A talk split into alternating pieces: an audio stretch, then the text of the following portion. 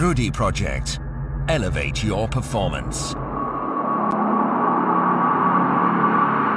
Színpad helyett ultratávú túrázás a hegyekben. Beszélgetés Csurka Istvánnal. Sziasztok! Üdvözlök mindenkit a Rudy Project Világa című podcast adásunkba.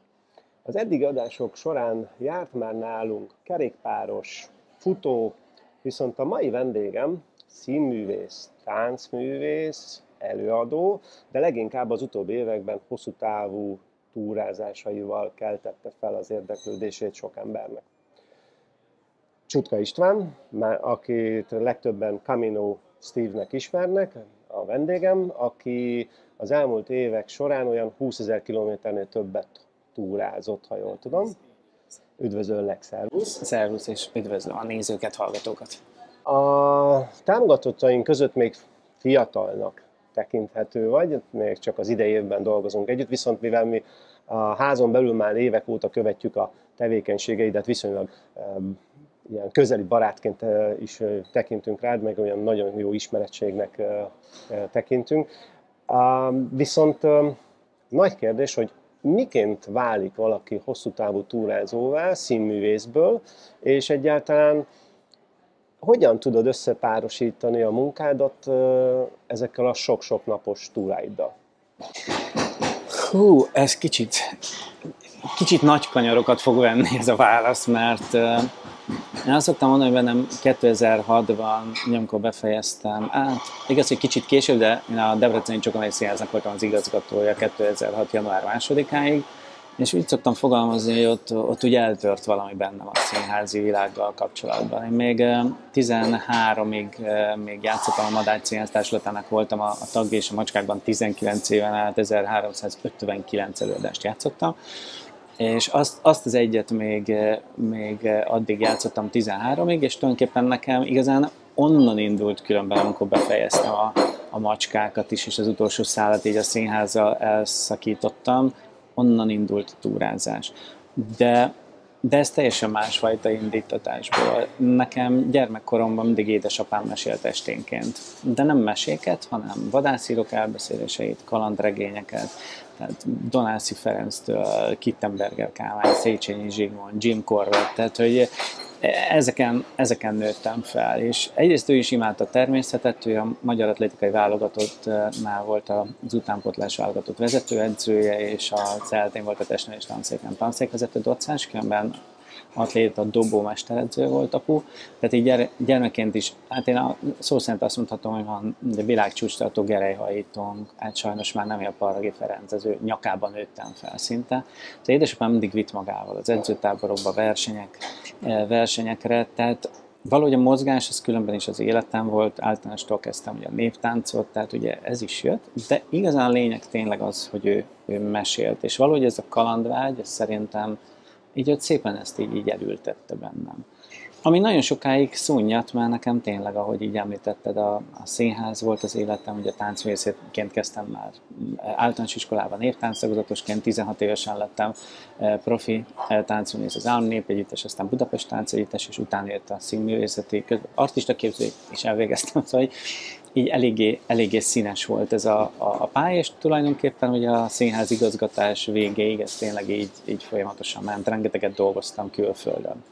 De amikor ennek az egésznek vége lett, akkor valahogy rájöttem, ott lett egy ilyen, ilyen üres tér az életemben, hogy hogy felismertem azt, hogy oké, okay, rengeteget utaztam, és nagyon sok helyre eljutottam, pláne az előző rendszerben, amikor lássuk be, hogy így a vasfüggönyen áttörni azt a sport és a művészet által lehetett, ráadásul még fizettek is érte, hanem is sokat, de, de hogy ma egy nap alatt sokkal többet látok, mint, mint annó, akár egy három hónapos turné alatt, mert szakértővé váltam a reptereknek, a hoteleknek, a koncertnek, színházterveknek, és a maradt időm, akkor ugye meg tudtam nézni a kötelezően megtekintendő műemlékeket. De ma tényleg az van, hogy egy nap alatt sokkal-sokkal többet élek meg. Egyrészt olyan helyeken járok, és ahogy telnek az évek, egyre inkább próbálok olyan helyekre menni, amely tényleg távol van a civilizációtól. Sőt, az utolsó három esztendőben olyan túraútvonalakra indultam, amelyek nincsenek is jelölve. Tehát igaz, hogy hivatalos túraútvonal, de neked kell megválasztani annak a, annak a vezetését, szóval ez egyre ilyen nehezebb, viszont azt az élményt, amikor nem tudom, ott leülök egy hegy tetején, és, és így visszatekintek a völgybe, ahol jövök, most így tényleg így él előttem, mondjuk Skócia, és az a, tényleg az a videg vidék, pláne amikor ugye esőbe ül az ember így egy ilyen hegy tetején, és nincsen sehol senki, és azt érzem, hogy az, az, az enyém az egész. Hát tulajdonképpen így, így alakult ez a fajta, tehát a színháznak a szeretete valahogy átalakult ebbe. De közben meg megmaradt az előadói része, ugye amikor az útjaimról előadásokat tartok. Akkor meg rájöttem, hogy Hát azért ebben is van egy klassz dolog, hogy nem másoknak a gondolatait, mások instrukciója alapján kell megvalósítanom a színpadon, hanem a saját történeteimet, a saját szavaimmal tudom előadni úgy, ahogy én gondolom, és hát ennek, ennek is megvannak az előnyei és a szépségei. A túrázásaid során jellemző rád, hogy amennyire látom és hallom, hogy te viszonylag gyors tempóban túrázol. Nem futsz, csak viszonylag nagy tempót tudsz diktálni, megvan sokszor a napi 50-70 kilométered is, és ezt több napon keresztül folyamatosan tudod tartani. Mi a technikád, vagy van egyáltalán saját technikád, vagy ezt edzéssel készülsz rá? Egyáltalán miért van az, ez a kialakulva, hogy ekkora tempót diktálsz? Maga a, a tempó, amikor Ugye 2008-ban volt az első utam szegény erős Zsoltival mindjárt Kilimanjaro csúcsáig, utána volt egy szünet, és akkor 13-tól annak viszont rendszeresen. És annó én még nem, nem tudtam megállni. Szóval Kilimanjaro is az volt, hogy volt egy megállapodásom Zsoltal, mert én nem tudtam menni annyival, mint, mint, a, mint a csapat. Tehát mindig elmentem annyira, hogy látótávolságon belül voltak, és ők megálltak pihenni, akkor ott én is megálltam pihenni, fényképeztem, nem tudom, végén, amikor már láttam a, a tábort, ahova aznap mentünk, akkor, akkor szépen bevártam őket, de valahogy nem tudom, most mondjam azt, hogy szólista alkató voltam, nem, nem, nem, nem, ezt nem tudom neked megmondani, de az biztos, hogy nagyon nehéz volt lelassulnom. Ugye a Kaminón is, ott kaptam az El Caminon, egy, lett egy második családom Kanadából, Nova Scotia-ból, Halifaxből, és tőlük kaptam a Camino Steve nevet, bár először Flying Steve-nek neveztek el, és pont azért mondták, hogy van itt egy ilyen hülye magyar, aki fut állandóan az erdőben. Futottam hátizsákkal. De nekem így esett, így esett jól. Szóval kimondottan élveztem, főleg ilyen technikás részeken lefele így lefutni, egyszerűen imádtam. És ennek így nem, nem rohantam valahogy sehova, bár hát biztos vannak, akik ilyen spirivel ezt meg tudják magyarázni, hogy ez, ez mitől van, de az biztos, hogy Korzikán, a GR20 Korzika eh, útvonalon volt egy nap, amikor beértem egy ilyen, egy ilyen katlanszerű völgybe, ott így átváltottak ezek a vörös sziklák pont ilyen szürkére, és én szikla oldalán folyt a víz, ott tudtam itt szépen összegyűjteni és szűrni a vizet, és ott volt egy ilyen nagy szikla, egy, teljesen sima, mint egy asztal és hűvös volt nagyon, de oda pont besütött a nap, és pont erre a ciklára, és ahogy így ráültem, amíg így szűrtem a vizet, éreztem, hogy milyen jó meleg. És, és lefeküdtem, és ott el is aludtam. És ez volt az első olyan pillanat, amikor valahogy képes voltam megállni, és nem csak menni. Mert mindig az volt, elindulok, és akkor én, én megyek. Addig megyek, amíg oda nem érek. És akkor akiket ott megismertem kint különböző országokból, ugye túrázókat, ott amikor a menedékházhoz értem, délután akkor kérdeztek, hogy jó, senki nem értett, hogy hova tűntem, mindig megszokták, hogy én indulok legutolsónak, de mindig megelőzöm őket, és azt hitték, hogy elmentem, nem vették készre, vagy valami történt velem, csak mondtam, nem, csak, csak így megálltam és aludtam egyet, és valahogy azóta itt szépen, szépen így, így, így azt mondom neked, hogy lassulok, de hát azért ez a 40-50-70 km, ez azért erősen függ a tereptől, szóval volt nekem már 11 óra alatt 15 km is, tehát amikor azért brutálisan nehéz, meg tényleg ilyen 35-45 fokba kell menni, azért az, az tud, tud kemény lenni, és azért elég sok ilyen pillanatot tudok idézni. De Szerintem ez ugyanúgy egy adottság, mint pont itt a beszélgetésünk előtt, beszéltünk, ugye egy csípőlés a dupla eh, körről, hogy azért ugye az ultrázás, azt szokták mondani, az, egy, az, egy, az egy adottság. Ez ugyanaz, mint hogy valaki vágtázó, rövidtáv, középtávfutó, hosszú távfutó, maratonista, stb. Eh, én színészként is mindig csodáltak, hogy ugye én operett szakon végeztem, hogy hogy tudok tánc közben úgy énekelni, hogy nem lihegek. Valószínűleg ebben is van egyfajta adottság, bár én azra rengeteget edzettem, úgyhogy akár nem, nem érdekelt, hogy hülyének néz mindenki mondjuk egy konditeremben, amikor mondjuk télen futógépen énekelve futottam.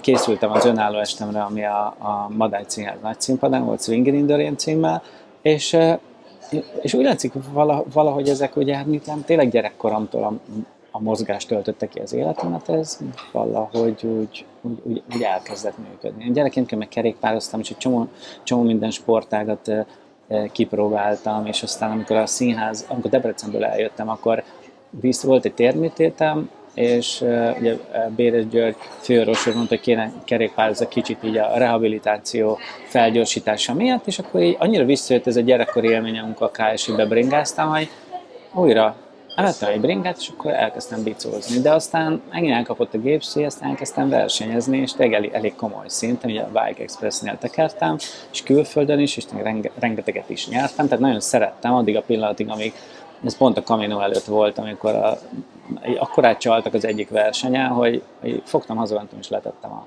letettem a, a, a bringát, és hát ahogy a színház, úgy eltört bennem ez is. Szóval valahogy vagy ilyen vagy, hogy visszatérve így a, a, a sebességre, ezt, ezt nem tudom megmondani. Maga a napi távolságra, az viszont igazán egyszerű. Én a sötétben szoktam kelni, ahogy világos lesz, abban a pillanatban indulok, és mostanában már nem nagyon megyek éjszaka, mert Amerikában volt két igen necces pillanatom, és akkor megfogadtam, hogy csak napnyugtáig megyek, és akkor ugye ott még van annyi idő a sötétedésig, hogy táborhely, vizet keressek, szűrjek, felállítsak mindent, és úgy feküdjek le. Ugyanis ott, amikor én elindultam, ugye az Appalachian Trail-en február 12-én, akkor ugye nagyon gyorsan sötétedett. És egyszerűen nem fért bele a napba az a kilométer mennyiség, amit nekem a, a célom teljesítéséhez meg kellett tenni, és ezért mindig fejlámpával mentem már a végét. És az egyik nap ömlött az eső, és láttam, hogy már csak olyan másfél kilométer van hátra, akkor már fejlámpával mentem, és egy idő után néha másfél kilométer is olyan soknak tűnik, pláne amikor ugye egész nap gyalogolsz, és azért az ott tényleg nehéz, mert míg a Pacific Crest télen ilyen kis szerpentineken mész állandóan föl le, addig ez az Appalachian télen ilyen. De tényleg, mintha így megkeresnék a legnehezebb pontot, és ezt csinálja az ember hónapokon át. És éreztem, hogy hát biztos, hogy kellett mennem már. Biztos már mentem másfél kilométert, de nem néztem, meg a, nem néztem rá az órámra, csak mentem, mert ömlött az eső, ugye kezdett a köd leszállni, hogy minél hamarabb odaérjek, és jellemzően ez még eléggé az elején volt, az ösvény mentén vannak ilyen, ilyen táblán ki szokták írni, hogyha a shelter hol található. Ez van, amikor az ösvény mellett van közvetlenül, de van, amikor ez egy ilyen oldal ösvényen valahol jóval-jóval arrébb van.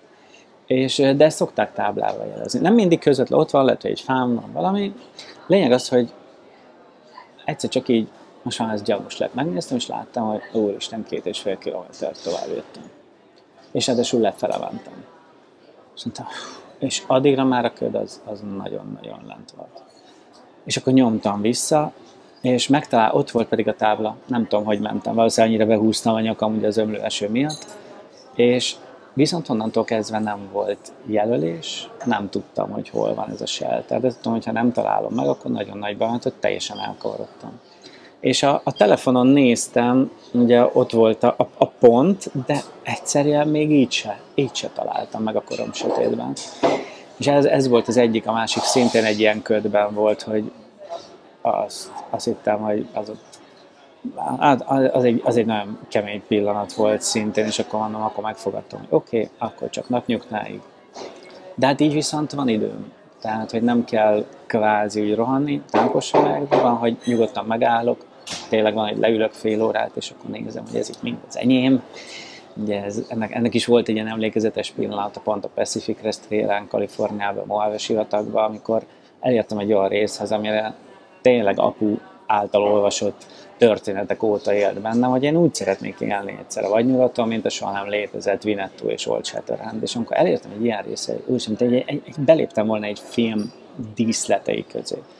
És hát leültem egy ilyen sziklára, és azt mondtam, és csak, nem tudom, fél órán keresztül ültem. De még a légyző mögé is egy családot van. És tényleg azt érzed, hogy ez a... Ugye van, van egy nagyon híres western film, Gregory Peckkel, a Big Country, És na hát tényleg azt érzed, hogy így a világ végig ellátsz. Az a különbség, hogy itt nem, ugye a Moave sivatag az magas hegyi sivatag, és itt már a Sierráknak a hegyvonulata is látszottak. Igazán festő És akkor egyébként, ha, ha most azt nézzük, hogy egyedül túrázol, ez köszönhető annak is, hogy azért alakult ki, mert nincs, aki tartsa veled a tempódat? Ugye azt szokták mondani, hogy ha valakivel mész, és annak a tempóját tartsz, akkor, akkor másnak az életét éled. Tehát ez ugye mindig nehéz, mert nagyon rit, ne, nehéz olyan partnert találni, akivel szó szerint teljesen egyforma a, a tempónk, a, az állóképességünk. És ha ugye gyorsabban mész, akkor az neki rossz és fárasztó. Ha lassabban mész, akkor én, én nekem meg az a fárasztó, ha lassabban kell menni. Szóval én a világból kimegyek hátizsákkal, de ha egy városba kell ilyen város nézni, nekem az a halálom. Tehát én úgy érzem, hogy egy idő után elken leszakad a derekam. Tehát, hogy ha így a párom elkezd, hogy várost kell nézni, az, az számomra például egy komoly kihívás. De, de mindig van olyan, akivel így összeszoktam találkozni, és, és akkor egyszer csak így... De rövid távon mentek együtt csak? Mert, mert ők nem annyi, tehát ők megállnak. Általában az emberek nagy része az ilyen hosszú távú útvonalakon, és kettőkor, négykor megáll. Szóval nem az, hogy megy 9 nem tudom mikor megy le a nap, ugye attól függően milyen hónapról beszélünk, és, eh, és van, akit meg sajnálok. Tehát van, aki után beszéltünk, hogy jó, jó, hol tartasz? Mert mit tudom, annyira nehéz lett a terep, hogy jobb lett volna biztonság szempontjából, hogy nem egyedül megyünk, bármelyikünk. És akkor mondtam, hogy megvárjam, tehát hogy pihenjek egy napot, de lehetett látni, mondjuk három napot kellett volna rávárni, és akkor, akkor, akkor megyek, megyek tovább. De azért mindig, mindig találkozott, aki legalább egy, egy kicsit lehet így, így menni, és néha, néha jó is találkozni valakivel. Akkor nem vagy sosem magányos tulajdonképpen az ösvényeken? Én nem érzem, tehát én különben se érzem magányosnak magam, tehát inkább ez az egyedül vagyok, de nem, nem magányos, mert a, tehát Akikkel viszont összetalálkozik az ember, pláne ugye ezek a világ háta mögötti részek, amikor valakivel találkozol, az biztos, hogy ezzel elkezdesz beszélgetni. És ráadásul ugye közös kapcsolódási pont van abban a pillanatban. Vagy ugyanazt csinálja, mint te, vagy ugyanarra megy, csak utoléred, vagy ő ér utol, vagy szemből jön, és akkor ugye kicseréltek, hogy mi van arra, mi van arra. Vagy pedig volt például Skóciában összetalálkoztam egy férfi, egyszer csak a semmi közepén, és kiderült, hogy a nagy esőzéstől volt egy hegynek az oldala így megcsúszott, és előkerült egy nagyon-nagyon régi település, és egy régész volt, és pont oda vánt, és akkor mesélt erről. És akkor ugye amikor születnek ilyen pillanatok, vagy szintén Skóciában volt, amikor megismertem egy idős lédit, aki, akinél ott eltört a botom, és vissza kellett megyek Fort Williambe, és a busz meg elment, és és így mondták, hogy itt van egy idős hölgy, aki így kiszokott adni szobát, és akkor, de ilyen horror árakon voltak, és akkor látta rajtam, hogy így ez így nem fog menni, és akkor így így egy nagyon-nagyon nagyot engedett, és így, így segített rengeteget. És, és ugye amikor kiderül, hogy ő a férje a, a skót parlamentnek volt a, a, a tagja, és egy igazi skót lédi, és Na, szóval, és akkor ezek, ezek, ezek az élmények meg az embert feltöltik, és akkor amikor meg egyedül van, akkor egy kicsit vissza tud vonulni. A, kicsit ugorjunk vissza, 2019-ben megpróbálta teljesíteni a Triple Crown, az a Tripla Corona elnevezésű kihívást, ami tulajdonképpen az amerikai kontinensen levő három hosszú távú túraútvonal teljesítését, egy éven belül való teljesítését jelenteni, az Appalach Trail, a Continental Divide, meg a Pacific Crest Trail. És amennyire tudom, akkor ez azért nem jött össze, mert az egyik trailen egy nagyon csúnya fertőzés, vírusfertőzés szedtél össze, és emiatt fel kellett adnod tulajdonképpen ennek a címnek az elérését, ami ha sikerült volna, akkor te lettél volna az első európai, aki ezt megcsinálja? Igen, megjellettem volna a tizedik a világon, de 35 felett meg sem próbálta senki. próbálták, Addigra, igen, igen, igen. De ezt pontosan úgy hívják, hogy kalendár Triple Crown. Ugye a Triple Crown-nak hívják azt, aki ezt a három útvonalat, ugye akkor még, amikor ez így elindult, akkor ez volt a, a három leghosszabb, most már van, van több, meg újak is vannak, de ez a három, hogy ezt valaki teljesíti, nem kell egy naptár éven belül, bármikor teljesítek, ő lesz triple crown Ugye ez abszolút becsületre van bízva, ezzel azért sajnos én is tapasztalom, élnek, élnek vissza emberek, de ettől függetlenül ott kint ez tényleg működik, hogy mindenkinek a saját becsületére van bízva, hogy ezt megtette, vagy nem. Kömmel elég sokan lebuknak, hogy nem, mert például rólam is nagyon gyorsan elterjedt, hogy van itt egy srác a Magyarországról, aki a Calendar Triple Crown próbálja teljesíteni, ugyanis a, a Triple Crown ez, amit mondtam, hogy nem kell egyben, tök mindegy hány év különbséggel teljesíted a hármat. A Calendar Triple Crown viszont azt jelenti, hogy egy naptár éven belül kell. Tehát ez nem lehet, hogy mint én elindultam február 12-én és következő év február 12-ig, nem, december 31-ig be kell fejezni. Igazán a problémát az okozta, én tudom meg, ha, ha valaki követte, megnézi az átlagaimat, akkor pont, tehát megvolt az az átlag, amivel tudtam volna teljesíteni, ugye én 10 hónapot szántam rá, ugye ez 12.761-85 km lett volna összességében, szóval hogy Csillébe, Santiago-ig el, el, el, elgyalogolhattam volna itthonról, és uh, uh, ugye a problémát az okozta, és ez a legnehezebb, amikor kérdezik, hogy nem akarok-e visszamenni, most már, hogy tudom igazán, hogy hogy működik, ismerem a rendszert, hogy hogy újra megpróbálni. És persze kell, értem szerint bennem van, de ma már pont látom azokat a nehézségeit, amik viszont teljesen kiszámíthatatlanná teszik. Muszáj, hogy egy stratégiát összerakjál. Hol induljál? A nyugati parton, ugye Mexikótól San Diego mellett a Pacific Crest Trail-en, mondjuk februárban, és akkor el, meddig menj el, vagy elmenj, próbálj meg elmenni végig, de nem biztos, hogy a Sierra-nál tudsz menni a hó miatt, vagy pedig Washington államban szintén a hó miatt. Ugyanez Continental Divide Trail, mexikai sivatag, másik irányból. Melyiket melyik irányból kezd? Mikor menj át és hogy? Ugye ezt az amerikaiaknak könnyű, mert mégiscsak a saját otthonuk van, segítő, oda megy egy autó, azonnal reptér, húp, repülált, ott van a cucc, adják oda, tehát rengeteg könnyebbség van. Nekem van egy barátom, aki Salt Lake City-be ő, ő medic, tehát ugye mentő, mentős, és nála volt a bázisom, és ő küldött nekem új cipőket, mert hét pár cipőt használtam el a hónapok, hónapok során, és a problémát az okozta, hogy kiderült, hogy 2019-ben olyan tél lett, ami az előző száz évben nem volt. Szóval most a, a tavalyi esztendőben volt nagyobb hó a Sierrában, mint ugye 2019-et megelőző években se volt. És egyszerűen már ott voltam kint, de nem tudtam, nem tudtam elindulni. A maga Moave sivatagban hóvihar volt, ami így nem, nem annyira... Igen. Ott ültem Salt Lake-be, a Continental Divide Trail mínusz 52 fok volt, tehát az úgy kapásból nem játszott, és akkor az Appalachian trail volt mínusz 20.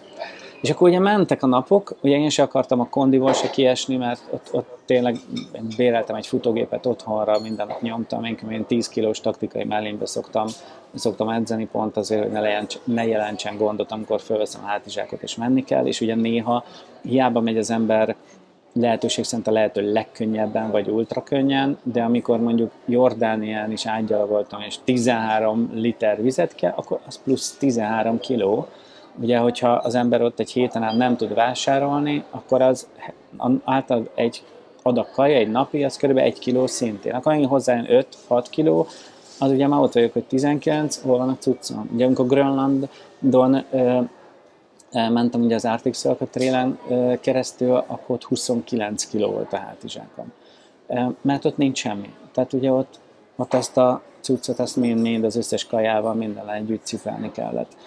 És, és hát ugye ezekre a felkészüléseim során oda kell figyeljek, úgy edzem, értem szerint az izomzatot megeszi az a hihetetlen fogyás, amilyenkor van, hiszen naponta 7500-9500 kalória között égetek, de 3000, 2000, 3000-nél többet nem tudok bevinni. Ugye mindig télen azért igyekszem visszaerősíteni a felső testet is, mert, mert ugye ezt, ezt mege, mege, megeszi. És, és ilyenkor, amikor ezt így összeállítottam, csak most elfelejtettem a, a, vagy, vagy honnan, honnan, honnan indultunk a, a kérdésbe. Ja igen, a Triple Crown-nál, hogy, hogy ugye akkor ott, ott álltam, minden így készen volt, de nem tudtam elindulni, mert volt egy stratégia, hogy hol kezdem, hova megyek át. Tehát úgy volt, hogy megcsinálom a, a PCT-n a sivatagot, utána megcsinálom a mexikói sivatagot, és utána megyek. Tehát pont ki volt számolva minden. De ezt ugye keresztül lőtt, és akkor végig azt mondtam, hogy jó, akkor nem várok tovább, mínusz 20 fok Appalachian Trail.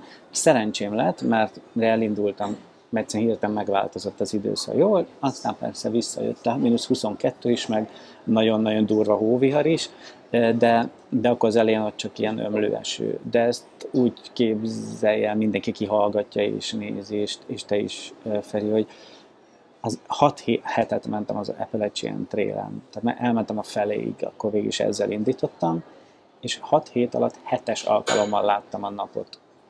Tehát vagy ömlött az eső, vagy köd volt, vagy hó volt, az összes ilyen, ilyen fatáblán ki van téve, viewpoint, ilyen kilátó pont, és vannak fotóim, és csak a fehér, tehát csak így a köd. És, és ez ugye pont édesem kérdeztem, amikor első alkalommal így elég erősen így mentálisan megdőltem, hogy, hogy erre nem szállítottam, mondom, anyu, ki számít arra, hogy hat, tehát hogy itthon erre végképp nem tudsz, mikor esik nálunk, nem hogy 6 hétig, hát 6 órát mikor esik egybe. Tehát, hogy ez, hogy így folyamatosan minden nap, és eddig mész már a, a sárba, meg, meg szó szerint a, az ösvényen, mint a patakba mennél, egyedül vagy, állandóan csuromvizes az az egy, egy ruhád, reggelre lapra fagy, volt, hogy a cipőmet a, a gázfőző felett grilleztem, hogy vissza tudjam venni. És ez azért mentálisan nagyon erősen szívja az ember. És akkor elmentem a feléig, átmentem a Pacific Crest télen, elmentem a Sierrákig, tehát a teljes sivatagi szakasz az 1220 20 valamennyi, és, és nem tudtam tovább menni a hó.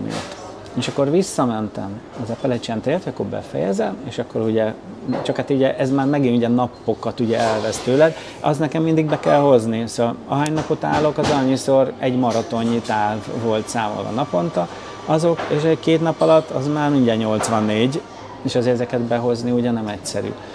És, és akkor, amikor visszamentem az Appalachian Trail, mindjárt az első nap éreztem, hogy valami nem stimmel, és igen, hogy mondtad, benyaltam sajnos egy, egy vírust, ami, amivel igen komoly szintű élsportolók is szenvedtek már, és többek között Mark is. Ugye 5 évet küzdött el, valaki ugye a Netflixen megnézi vele a dokumentumfilmet, akkor pont láthatja, hogy ez, ez mivel jár együtt, és ez, ez mentálisan is lenyomja ez a, ez a vírus az embert, szóval ebből, ebből nem, nem egyszerű kijönni, erre úgy, úgy effektíve simán egy alaplaborvizsgálat nem is szül rá, szóval ott kín is félrekezeltek, és mint kiderült, ugye háromszor kell, mentem el orvoshoz, és egyre erősebb antibiotikumot adtak, de mint kiderült, attól lettem egyre rosszabbul. És itthon állandóan konzultáltam az orvosaimmal, először azt hittük, hogy Lyme-kor, bár ilyen csípést nem, nem láttam magamon, de több előfordulat, mert találkoztam olyan, aki egy ilyen út teljesítés alatt kétszer is kapta a lánykort, és persze, hogy erre, erre az ember igyekszik odafigyelni, és akkor inkább azt mondtam, hogy jó, hát ez nagyon nehéz volt meghozni ezt a döntést, de ugye hazajövök.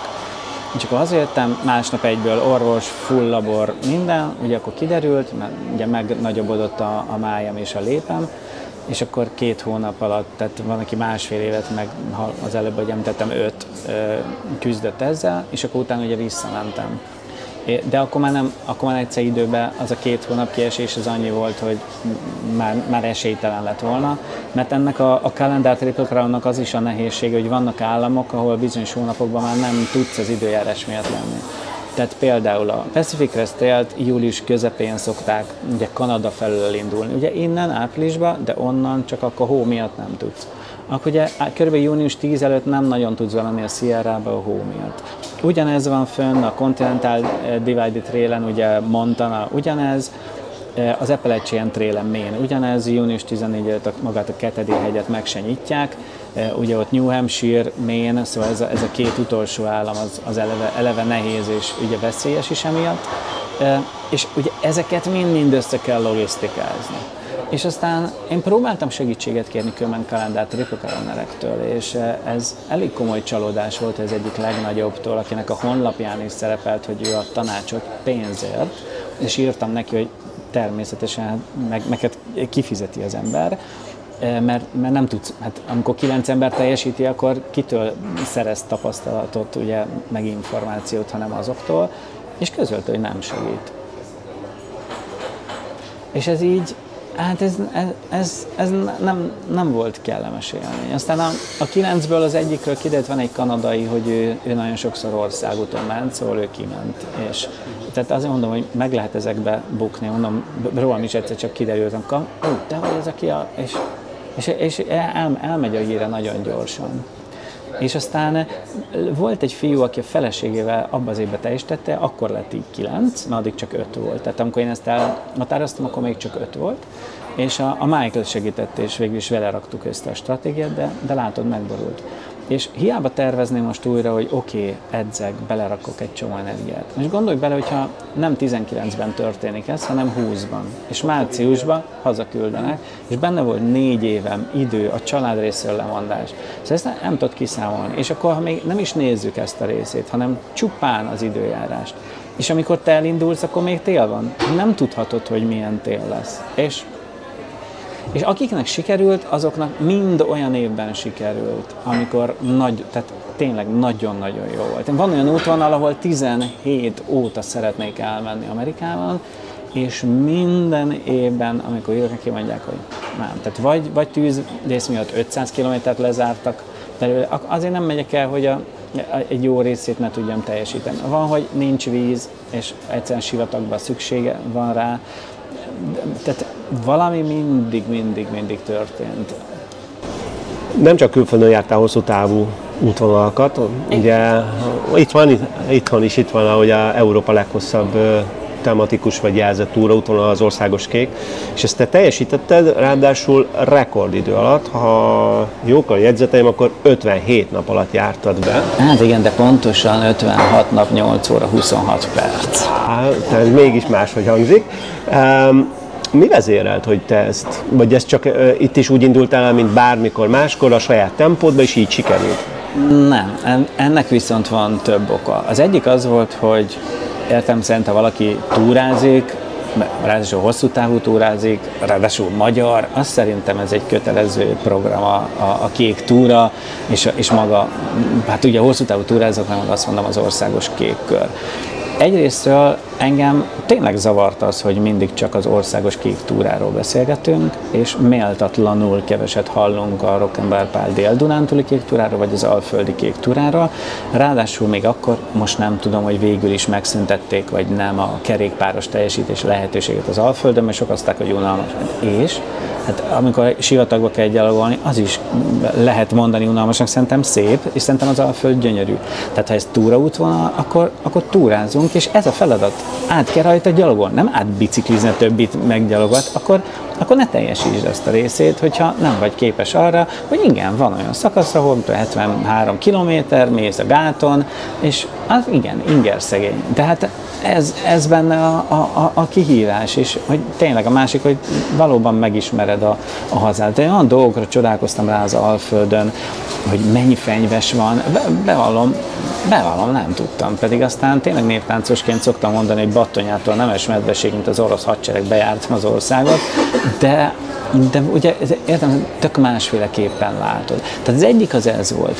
A másik, hogy nagyon sokan tényleg nyugodtan mondhatom, hogy így bántottak amiatt, hogy mert én csak külföldön tudok túrázni. De ez, ennek nem ez volt az oka, hanem én nekem ugye volt egy cél, ez az amerikai út, nem lehet rá, nem mondom, hogy nem lehet valamelyik, bármelyik, sőt, bármelyik amerikai hosszú távú túraútvonalra felkészülni, itthon túrázol, mész. De egy csomó dologra, főleg amire én vállalkoztam, arra nem lehetett. Tehát én céltudatosan emeltem a tétet, és azt mondtam, hogy ha ez nem megy, akkor nem szabad belevágnom, mert az, hogy ott maradjak, mert azért ne felejtsük el, hogy minden évben sajnos elég sok a, a tragédia, a baleset, aztán arról ne beszéljünk, hogy a feladás mennyi. Én ezért nem akartam belerakni energiát, időt, pénzt, és mint mondtam, a család részéről is lemondást, hogy nem tudom, én egyszer csak ott ülök, és azt mondom, hogy na jó, ez, ez, ez nem az enyém, és, és hazajövök. És ugye ez is benne volt a, a történetben, hogy, hogy nem, nem volt rá időm, meg lehetőségem, mert, mert az volt a cél. És ugye ez 19-ben megvolt, és akkor ugye 20-ba jött a Covid, nem is lehetett menni sehol, és mondom, na akkor most van itt az időszak, hogy akkor legyen. És pont a, azt hiszem, a 19 telén Gyimesi Szandinak hívják azt a lányt, aki 32 nap alatt végigment télen a Kék Túra útvonalán, és ez egy nagyon nagy hír lett az ő teljesítéséből, és többek között annyira, hogy a Balázsék reggeli műsorában is ez téma volt, és hogy, hogy csalt, meg, meg, meg tehát, tehát volt, itt, volt itt minden, hogy ennyi idő alatt nem lehet teljesíteni, meg, meg stb. És akkor én betelefonáltam, mert szerettem volna megvédeni, hogy miért ne lehetne menni annyi kilométer naponta, nem kell hozzá rohanni, meg nem igaz, hogy nem lehet élvezni, hát én is tudom élvezni. Hát attól függ, hogy hánykor indul el, mennyi megy, tehát nincsen ezzel probléma, de nem kapcsoltak be az élőadásba, szóval nem tudtam megvédeni a Szandit, és akkor azt mondtam, hogy na jó, és ez volt különben az utolsó benne, akkor jó, akkor nem a kék túrát, akkor az egész kék kört megcsinálom, és megnézem, hogy mennyi a leggyorsabb, volt azt hiszem 63 nap volt, Donszki Zoltántól, a gyalogosról beszélek, hogy Szarvas Mátyás tartotta és tartja a futó, a futórekordot, a, a kék René ugye most már többször megdöntötte a saját e, rekordjait, de én a, a gyalogosról beszélek, és ugye ha azt nézzük, ugye ha külföldön ezek az útvonalakon nézik a rekordokat, akkor ugye van kettő fajta. Az egyik van a, a, ugye a támogatott, meg a nem támogatott, tehát akinek van kísérőcsapat, és aki egyedül. És én ugye, az, ugye ez a supported, meg az unsupported, és ugye én nem csapattal mentem, hanem egyedül vittem magammal mindent, és nem pedig úgy, hogy tudtam, hogy itt alszom, ott alszom, értek, értem, váltást, szóval a kettő eleve más, meg a futó, meg a gyalogos is. És, és akkor én, én kitő, kitűztem, hogy akkor a, hat, a hat, 60 napot szeretnék így az útvonal eltölteni, és különben lehetett volna jobb is, mert én a második napon behisztiztem.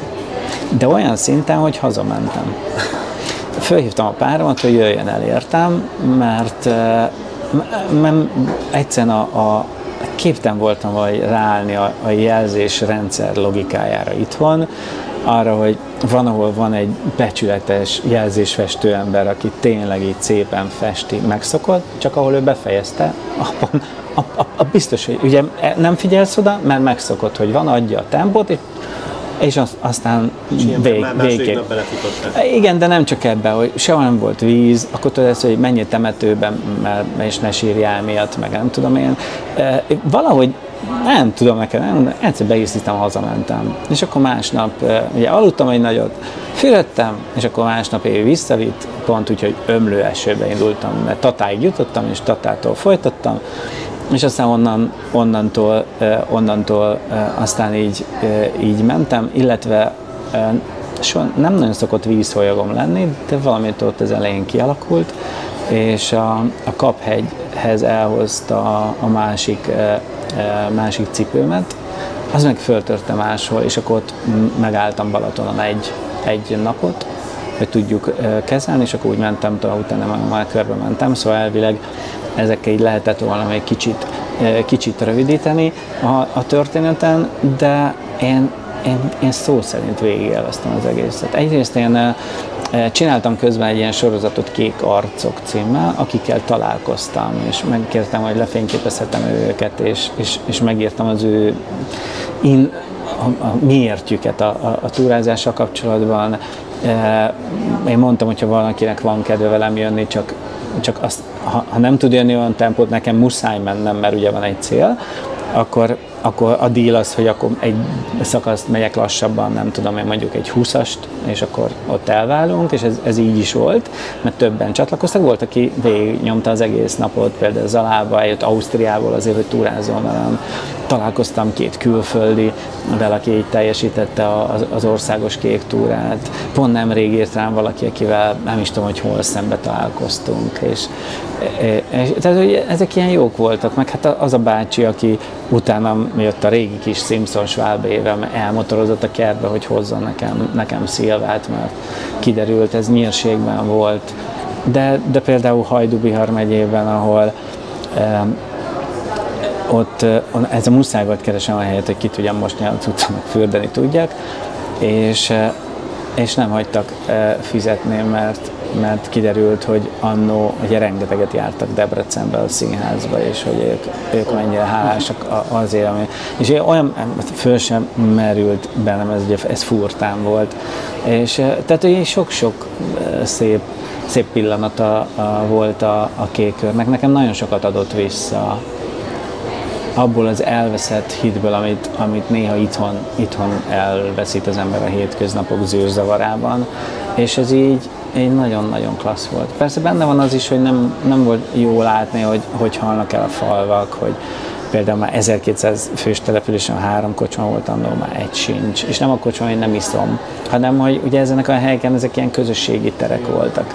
És hogy ezek, ezek, ezek nincsenek, vagy lettek ilyen kedvenc helyeim, és utána a páromat elvittem, és van egy nagyon szép tanösvény, és pont nemrég olvastam, hogy teljesen tönk, tönkrement és, és szétrohadt a, a, az a fapalló, ami ott van, pedig egy gyönyörű részem. És szóval ezek, ezek úgy gondolom, hogy, hogy, hogy, hogy kár, meg, meg szerintem sokkal-sokkal nagyobb lehetőség van benne. De maga a hosszú távú túrázás egyre divatosabb mindenhol. A cseheknél van, a horvátoknál van, a szlovéneknél van, lengyeleknél is van már. És, és nekünk is itt van, de azt a fajta lehetőséget, ami ebben benne van, azt, azt egyelőre még nem tudtuk, és tudjuk kihasználni, legalábbis én, én, én, én ezt látom.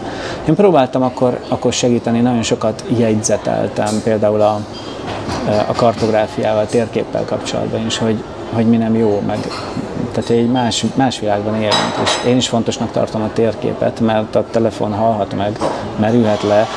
Nagyon-nagyon komoly gondokat láttam már emiatt, meg menteni ki embereket, hogy olyan szinten tévedtek el, ami még itthon is hallunk néha, hogy ugye úgy eltévednek, holott azt szoktam mondani, hogy én itthon csak menni kezd előbb-utóbb egy, egy ösvényre, egy erdészeti útra téved, és nincsenek akkora nagy távolságok, mégis láthatjuk, hogy lehet bajba kerülni, de közben akkor is nem lehet nem észrevenni, hogy mik azok a változások, amik, amik szükségesek ahhoz, és ahhoz a szokások, amik a túrázók változnak.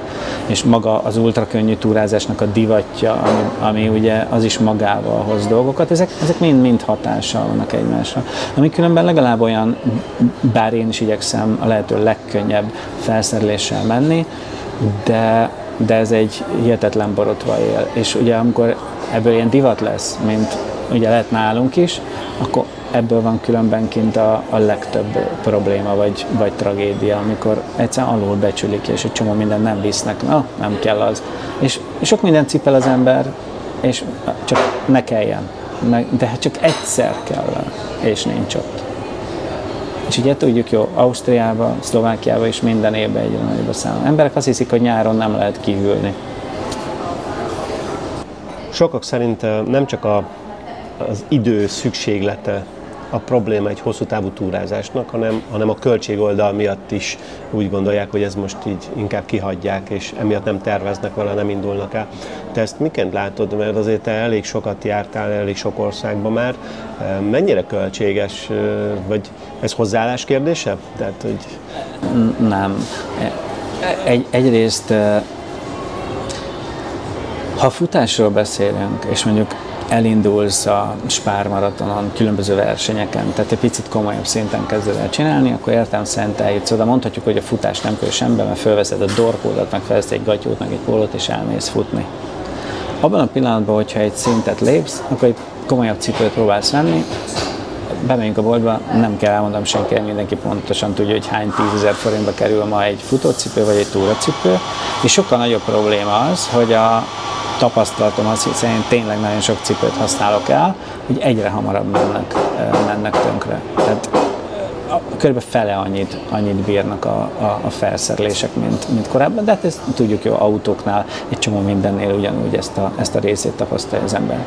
Szóval, hogyha valaki elkezdi profi szintre emelni, akkor értem szerint ott van a felszerelés szempontjából egy, egy, egy áremelkedés. Ez persze lehet menni kínai utánzattal is, ami egy az egyben ugyanaz. Én azért szoktam az embereket erről lebeszélni, mert a tapasztalatom az, hogy látom, hogy egy viharban így szakadnak szét. És amikor olyan helyen vagy, ahol nincs bolt, nem tudsz kimenni, akkor ott igen komoly problémák lakadhat ebből. Én ezekben nem szeretek mellé lőni, és sokkal inkább megbízom azokban a, a márkákban, ami, amik számomra tudják garantálni. Ráadásul olyan jó a, az ügyfélszolgálatok, hogyha problémám van velem, így is fordul elő, hogy van garanciális probléma, akkor akár oda, nem tudom, a következő településre elküldik nekem. Erre, erre volt példa. E, ez, e, tehát, tehát ez az egyik, egyik rész. Persze tényleg van egy csomó mindenben lehet lehet keresni, és nem kell a kompozitból egy hátizsák bélést, hogy ne legyen vizes a cuccom, hanem egy szemetes zsák is működik. És tehát azért mondom, hogy minél többet foglalkozik vele az ember, annál jobban megtalálja költséghatékony dolgokat. De a másik pedig az, hogy ugye értem szerint mely országba mész. Mert ahol például nézzük Grönlandot, tudjuk jó, hogy a világ egyik legdrágább országa. És ráadásul ott van egy szűk keresztmetszet, az az utazás, mert nem lehet semmi mással oda menni, csak az Air Grönland járatával, mert nem repül máshol, vagy más repülőtársaság Grönlandra. És ez is csak Reykjavikból, illetve Kopenhágából. Tehát amikor én mentem, akkor megnéztem, ugye egyrészt rengeteget keresek a repülőjegyeket, és nem csak az, hogy beütöm, hogy A-ból B-be, hanem megnézem, nem érdekel, mennyi idő alatt érek oda, és mennyit kell várni. Megnézem a, legolcsóbbat, összerakom, de töredékéből. Tehát elkezdek a, a különböző destinációkkal játszani, hogy megnézem, hogy honnan megy még oda, akkor oda hogy jutok el, és, és így, így rakom össze, hogy lehető legolcsóbban. Tehát például, amikor én Grönlandra mentem, akkor 12 ezer forintért tudtam menni oda-vissza Kopenhágába, és onnan repültem, mert akkor például 150 ezer forint lett volna csak Reykjavikig. Azért ez egy eléggé szignifikáns különbség.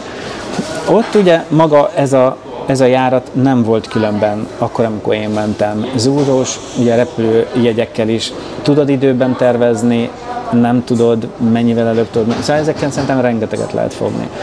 Én nem szoktam Sheratonokba és nem tudom Y csillagos hotelekbe megszállni, hanem jellemzően a hosteleket részesítem előnybe. Egyrészt nem vagyok e, egyedül, e, tudok ismerkedni, kapcsolatot építeni. Én már zeneszerző, brazil zeneszerzőtől kezdve, én már a, a, tényleg a legkülönbözőbb ember, emberekig ismerkedtem meg a, a hostelekben, és 5000 forintért, meg, meg ilyenekért, meg ingyen elvisznek, eljönnek értem, meg, meg visszavisznek, tehát ugye, attól függ, hogy persze melyik, melyik országról beszélünk.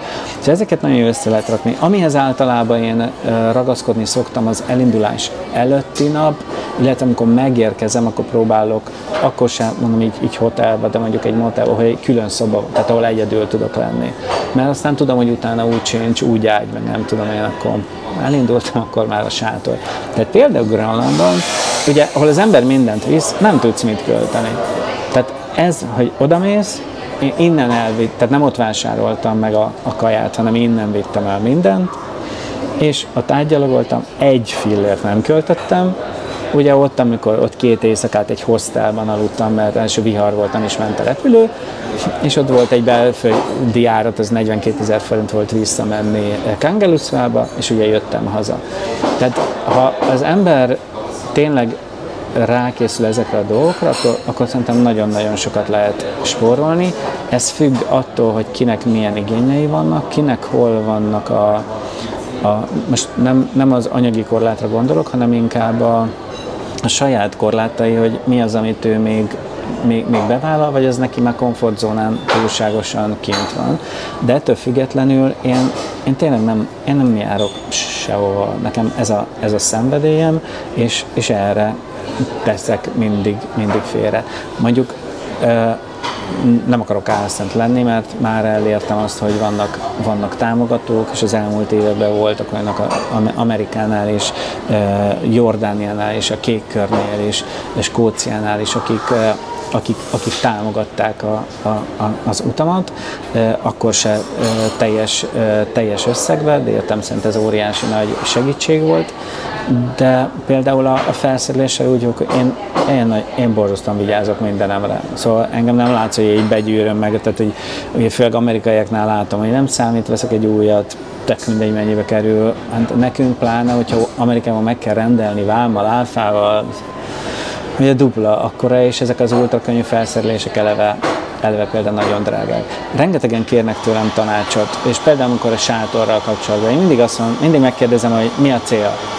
Tehát már egyáltalán sátrazott. Nem most szeretné elkezdeni. Mindenkinek azt mondom, menjen a Tesco-ba és vegyen 3500 forintért egy ilyen tényleg semmire se való sátrat, és nyáron, amikor tudja, hogy nem fog esni az eső, gyönyörű idő van, akkor menjen el, és aludjon kint egyszer. És nézze meg, hogy egyáltalán fogja élvezni. Meg kiderülhet, hogy nem. Azért nem érdemes venni 100, és aztán lépjünk egy nagyobbat 300 ezer forintért egy, egy sátrat, meg azért, hogy fél kilós sátra legyen, és ne mondjuk kettő, mert meg kiderül, hogy, hogy az egészben ezt az örömfaktort nem találja meg. Tehát én mindig próbálom az embereket a fokozatosság és az árérték arányban, és akkor úgy leírom neki, hogy van ilyen, van ilyen, ott van a kínai, itthon, tök jó, lehet vele menni, nincsen gond, ha elkezdve olyan szinten túrázni, mint én, én nem tenném kockára a saját életemet egy, egy olyan, olyan sátorba, de ez meg mindenkinek a, a saját döntése. Ha már az életed kockáztatása szóba került, beszéljünk egy kicsit az idei Mont Blanc körülről, amit egy baleset miatt abba hagytál, kényszerből. Viszont miután hazajöttél, erről telefonon pont beszéltünk is annó, akkor derült ki, hogy ha tovább mentél volna, lehet, hogy ott maradsz. Ez így van, de ugye a, a picit helye, helyesbítek, mert az volt a célom, hogy a Mont Blanc kör teljesítem, ugye Chamonix, pontosabban Chamonix mellett ugye Lézusból indul, de ugye Chamonixból indul, és akkor Chamonixba tér vissza. És utána én tartottam volna két nap pihenőnapot, és utána pedig elindultam volna, szintén Chamonixból indul az Haute Route, ami pedig megy a Matterhornig, Zermatig. Ugye ez, ez picivel hosszabb és, és, és nehezebb. És ezt a kettőt szerettem volna egybe, és ugye általában ilyen, ilyen tize, 11 nap, körülbelül így szokták a, a, a Tour Mont Blanc teljesíteni a túrázók, és nem a futókról vagy a fast hikerekről, ugye, akik kvázi ugye futnak menedékháztól menedékházig. Végig is öt és fél nap alatt én teljesítettem Ugye szerettem volna egy nappal előbb, de akkor lett ez a bizonyos baleset, ahol egy ilyen amerikai kiránduló csoport pont Chamonix fölött, ugye ilyen hétvége volt, és ugye feljönnek sílifttel, és akkor ott ilyen túravezetővel ugye kirándulnak, és ugye lefele jöttek, és meglökött az egyik, egyik férfi egy ilyen tényleg egy nagyon technikás sziklás részen, és még így az volt a szerencsém, hogy egy ahokakkaha az ilyen magas szárú túracipőben voltam, és és szerintem e, tehát ez nem, nem szerintem, hanem ez mentett meg attól, hogy még nagyobb baj legyen, és már a nap végén már éreztem, hogy nem, nem bírok tovább menni, szóval muszáj volt aznapra leparkolni, és akkor a következő nap fejeztem be. És hát ugye bennem volt a bugi, hogy, hogy menjek, menjek tovább, tehát végig ezt a két napot pihentem, ugye valamit javult, de hát azért messze nem volt ötös, de azt láttam, hogy, hogy vihar lesz. És ugye azt is láttam, hogy oké, lették a két nap, pont még van egy napom, tehát pont visszaérek fel, és akkor jön a vihar. Azt is lehetett látni, hogy több napig tart, na de az, amit te mondasz, azt viszont nem mutatta, hogy mekkora vihar jön.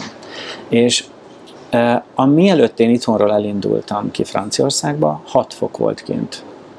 Kiértem, és én végig ilyen 35, 37, 38 fokba túráztam, meghaltam. Szóval az ilyen vájútól vájúig túráztam, és szó szerint az volt benne, hogy én ebbe belefekszem. A jéghideg vízbe belefekszem. Egyszerűen me- megfőttem. Szóval tényleg totálisan kimerültem az öt és, öt és fél nap alatt, de gyönyörű. Mindenkinek javaslom, hogy menjen el, ne ennyi idő alatt, ha csak nem fut de és nagyon jó volt, mert kanadai egy férfi és két lány, ők így futották ilyen fast hikerként. És és mindig utolértem, és láttam ezt, hogy így, így aztán így összebarátkoztunk a végére, de hogy ez így zavartuk, ez hogy van, hogy mi futunk, ez a csávó estére még mindig ugyanitt van. és e, na mindig, szóval ez így, ez így jó volt, meg ez engem is motivál, értem szerintem, utána meg kellett motiválni, hogy utolérjem őket megint, megint, megint. E, szóval visszatérve, akkor a hóvihar lett, hogy lavina lett, és onnan előtte 37 fokok voltak, elmosta az ösvényt, kiszakadt létra, volt egy ilyen, ilyen kőomlás is, voltak, akik menteni kellett, keresték, és nekem pont egy héttel előttem volt egy pár, akiket ismertem, és ők tartottam a kapcsolatot, ugye én info kapcsán, és én úgy terveztem, hogy az két hét, hogy én utolérem őket pont a végére.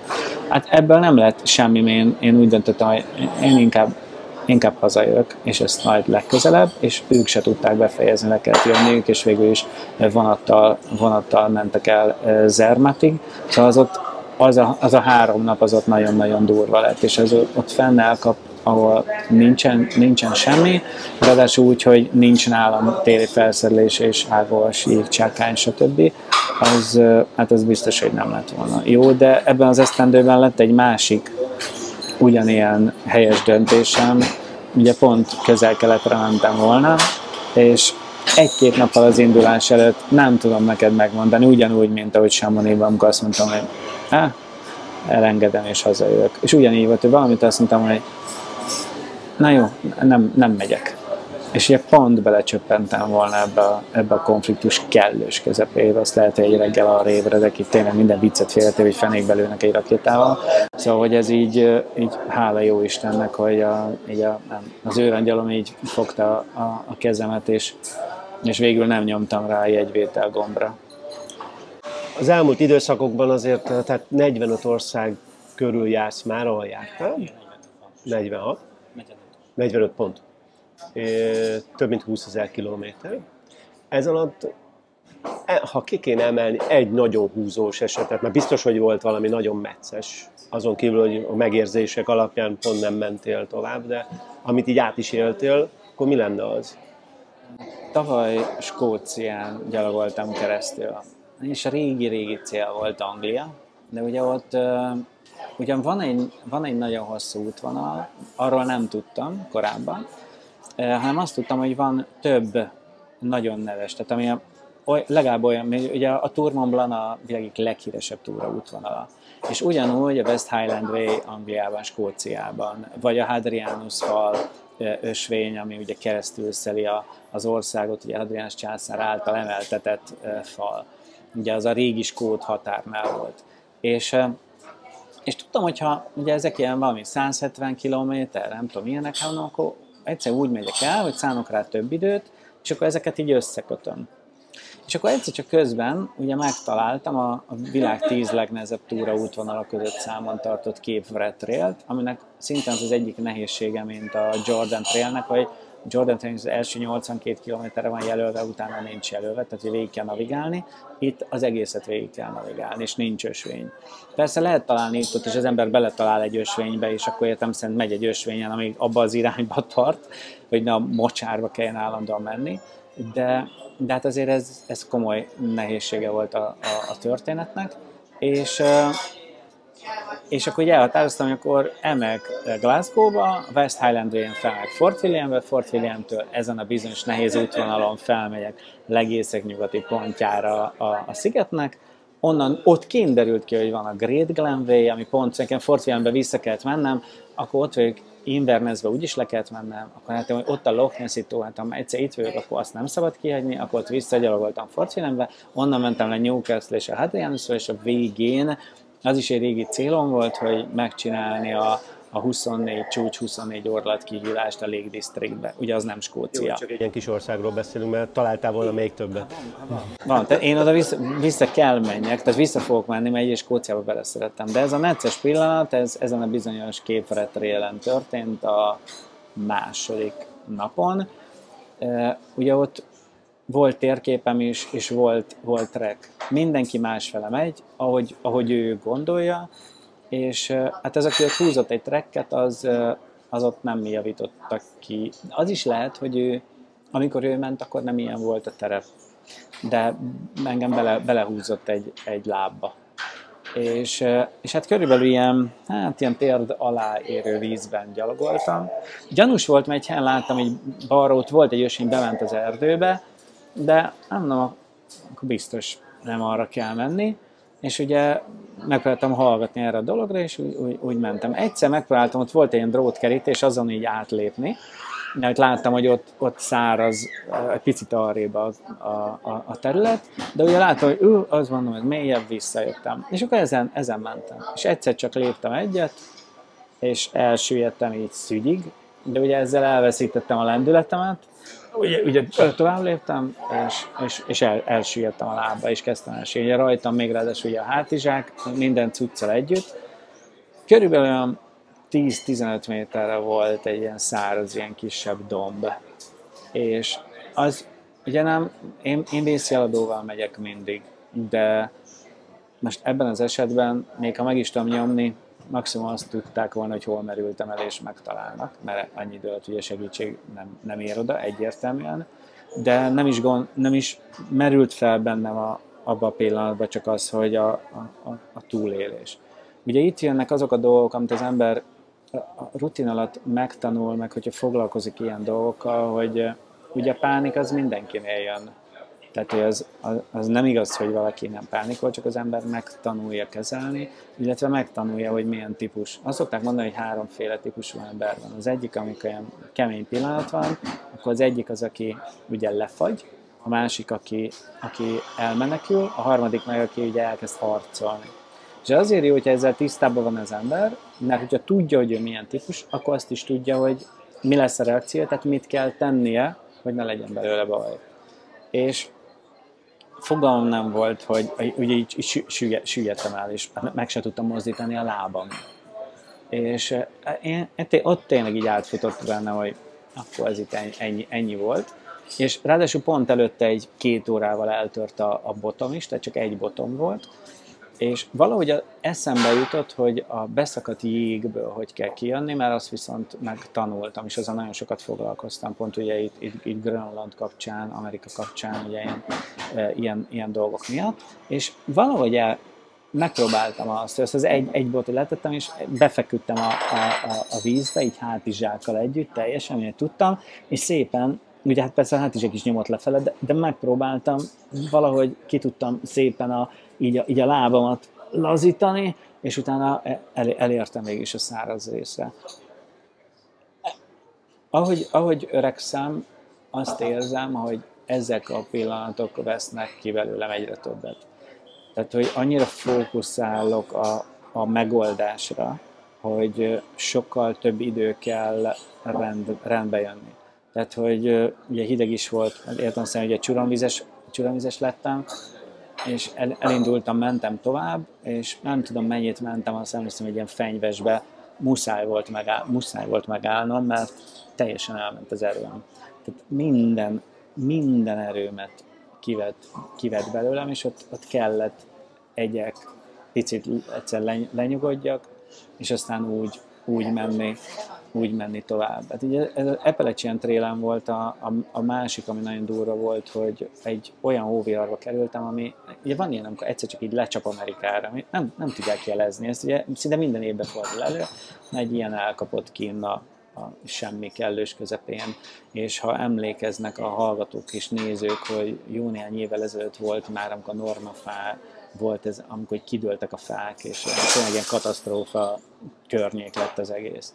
Na, ugyanilyen lett itt, csak a hó súly alatt. Tehát olyan volt, mint hogy ilyen háborúval lennék, így robbantak a fák, szakadtak le az ágak, dőltek ki a fák, a bokrok így összehajlottak a, a két óra alatt, nem csak ilyen, ilyen comb középig érő hó lett. Tehát ha valaki ment már ekkora szűzhóba, hátizsákkal, hidegbe, úgy, hogy előtte délig ömlött az eső, és elkezdett rám fagyni minden, és azt tudtam, hogy 15 kilométerre van egy shelter, ugye ez úgy néz ki, mint egy busz megálló három oldala van, az egyik nyitott, de mégiscsak ugye egy védett, és egyszer tudtam, ha azt nem érem el, akkor végen. De a bokrok alatt a hóba kellett kúszak, hogy át tudjak menni. Ugye eltűnik az ösvény, szóval onnantól kezdve nincs az, hogy adja magát, hogy ott megy az ösvény. Egy ideig még a hóba is látod, hogy a, de aztán vége, az Appalachian télen fehér jelzés van, elveszítettem kétszer a jelet, ugye ott megint azért, hogy muszáj az ember megálljon, és muszáj lenyugodjon, mert, mert tudni kell, hogyha pánikol, akkor nem tud gondolkodni. És én mindig azért szoktam mondani mindenkinek, hogy fel, azért fontos felkészülni, mert egyrészt tudnia kell, hogy mindenre nem tud felkészülni. De ha felkészült, akkor annak a lehetőségét megteremti, hogy tudjon improvizálni. Mint ahogy jött nálam, és működött. Lehet, hogy nem működött volna, de, de tök mindegy, mert csak így állok, az meg végképp nem működött volna. Így viszont volt, volt esélyem arra, hogy ebből a dologból ki tudjak jönni. Végül ugye ott az Appalachian trail is elértem azt a, azt a, azt a sheltert, ahol akkor már egy volt tengerészgyalogos srác szintén oda bemenekült, és ő el, annyira elfogytak az ujjaim, ez, ez azóta is nagyon, nagyon érzékeny. Ez a, ez a pillanat így megmaradt sajnos, mert nem tudtam levenni a hátizsákot, sem tudtam összenyomni a, a, a csatot annyira elfagytam, szóval ez egy, nem tudom neked megmondani, hogy mennyi ideig tartott ez a 15 kilométer, semmi más nem volt bennem, csak tényleg a, a, a túlélési ösztön is az, hogy oda kell érjek. Tök mindegy, hogy fáj, hogy fázom, mennyire nehéz, a nyakamba ömlik még, a, a, a, ugye kúszom át a, át a hó, az, az nagyon durva volt. És, és ugye itt a másnap reggel, ugye túléltük azért, itt is ilyen mínusz 22 volt éjszaka, mindent magunkra vettünk, amit, amit létezik, és és van egy applikáció, én abból ilyen shuttle drivereknek a számát kiírtam, ott nem volt térerő. És reggel mondtam a srácnak, hogy, hogy én, én, nem el akarok húzni, én nem akarok itt meghalni, tehát ez ránk dől valami szarít, az ő mondta, hogy hát ő itt jobban érzi magát biztonságban, inkább kivár. Elállt a hóesés. Mondtam, hogy én, én elindulok. És akkor elindultam, bekapcsoltam a telefon, mondom, úgyis elkezd pittyegni a lesz térerő, és találtam egy, de akkora helyet csak, hogy ha elléptem, már nem volt térerő. És onnan elkezdtem hívni ezeket a sofőröket, hogy tud-e valaki segíteni. De mondták, hogy olyan váratlan hó vihar csapott le, hogy minden le van zárva. Tehát nem lehet megközelíteni se tudják. És végül találtam egy Geri nevű rendőrt, aki másfél órát autózott, értem, és talált egy olyan helyet, ami effektív ott volt a lezárás tábla, és amit én ugye nem elment valahova, csak nekem oda el kéne jutnom a nyakig hóba, és amit én is el tudtam érni, meg olyan 5 perc eltéréssel értünk oda, és akkor én ott kimentem egy napra, és akkor utána úgy mentem vissza, mert, mert itt ugyanezt éreztem, hogy kell, hogy fejbe összerakjam magam, mert, mert különben nem bírok tovább menni, mert nem azért jöttél el, hogy életem szerint valami tragédia legyen a, a vége. Ez, ugye egy hosszú távú túrrendszer szoktam mondani, ez mindig egy hihetetlen érzelmi hullámvasút. Én ezt kimerem jelenteni, hogy aki azt mondja, hogy ez nem így van, és ő ezt végig élvezi a hónapokon keresztül, az nem mond igazat. És szerintem ezt nem is kell szégyelni. Ez, ez, együtt, ez együtt jár. Nem gondolom, hogy bárki, eh, és ez, ez ugyanaz, egy ultra Balatonon is, sőt, hát sok egy sima maraton, egy félmaratonon is vannak, vannak mélypontok, és ennek pont ez a lényege, hogy az ember ezeken hogy tud úrá lenni, és hogy tud mégis tovább menni. Ugye én azt szoktam mondani, hogy a, a, ugye a mentális erő az azt jelenti, hogy akkor is találsz az üzemanyag tankban, tehát a benzintankban akkor is találsz üzemanyagot, amikor nincs benne. És mindig van, mindig van ott egy kicsi. Mik a jövőbeli terveid? Az idén beszélgettük itt a felvétel előtt, hogy nem minden sikerült úgy, hogy tervezted. Van-e valami, amit ezt átraktál akkor a következő évre, vagy van valami, ami mindent felülír? Van, amit évek óta tolok, és ez az esztendő sajnos tényleg nem úgy sikerült, mert egyrészt tűzvészek voltak, engedélyekkel gondolt, háború, tehát, hogy így, így, így, így minden, minden, ami, ami, ami lehet ebben az esztendő még közben de én ezekben meg hiszek, hogy szerintem minden valahogy okkal történik, és én ezeket megpróbálom elfogadni, mert sokszor utólag derül ki, mint látod most a közelket kapcsán, hogy milyen jó, hogy úgy döntöttem, hogy nem megyek, vagy milyen jó, hogy ez nem jött össze valami miatt, mert, mert, mert mi volt ott. És e, igen, vannak, hát most azért mondanám meg pontosan, mert van, ami évek óta e, itt tolok magam előtt, e, és tavaly pont ugye ilyen tűzvész, és ebben az évben pont tűzvész miatt, tavaly engedély problémák voltak, mert minden napra külön engedélyt kell kérni, és ezért ezt innen lebonyolítani ez, ez nem egy egyszerű történet, ráadásul ha bármi történik, nem tudom, például egy ilyen, hogy jön egy ilyen mentális mélypont, és kell egy nap pihenő, akkor, akkor újra kell az összes engedélyt kérni, az, azért fizetni kell. Tehát, hogy, na, szóval ez, az egy bonyolult történet, viszont az, az a szó szerint ebben a tíz legnehezebb útvonalban benne van.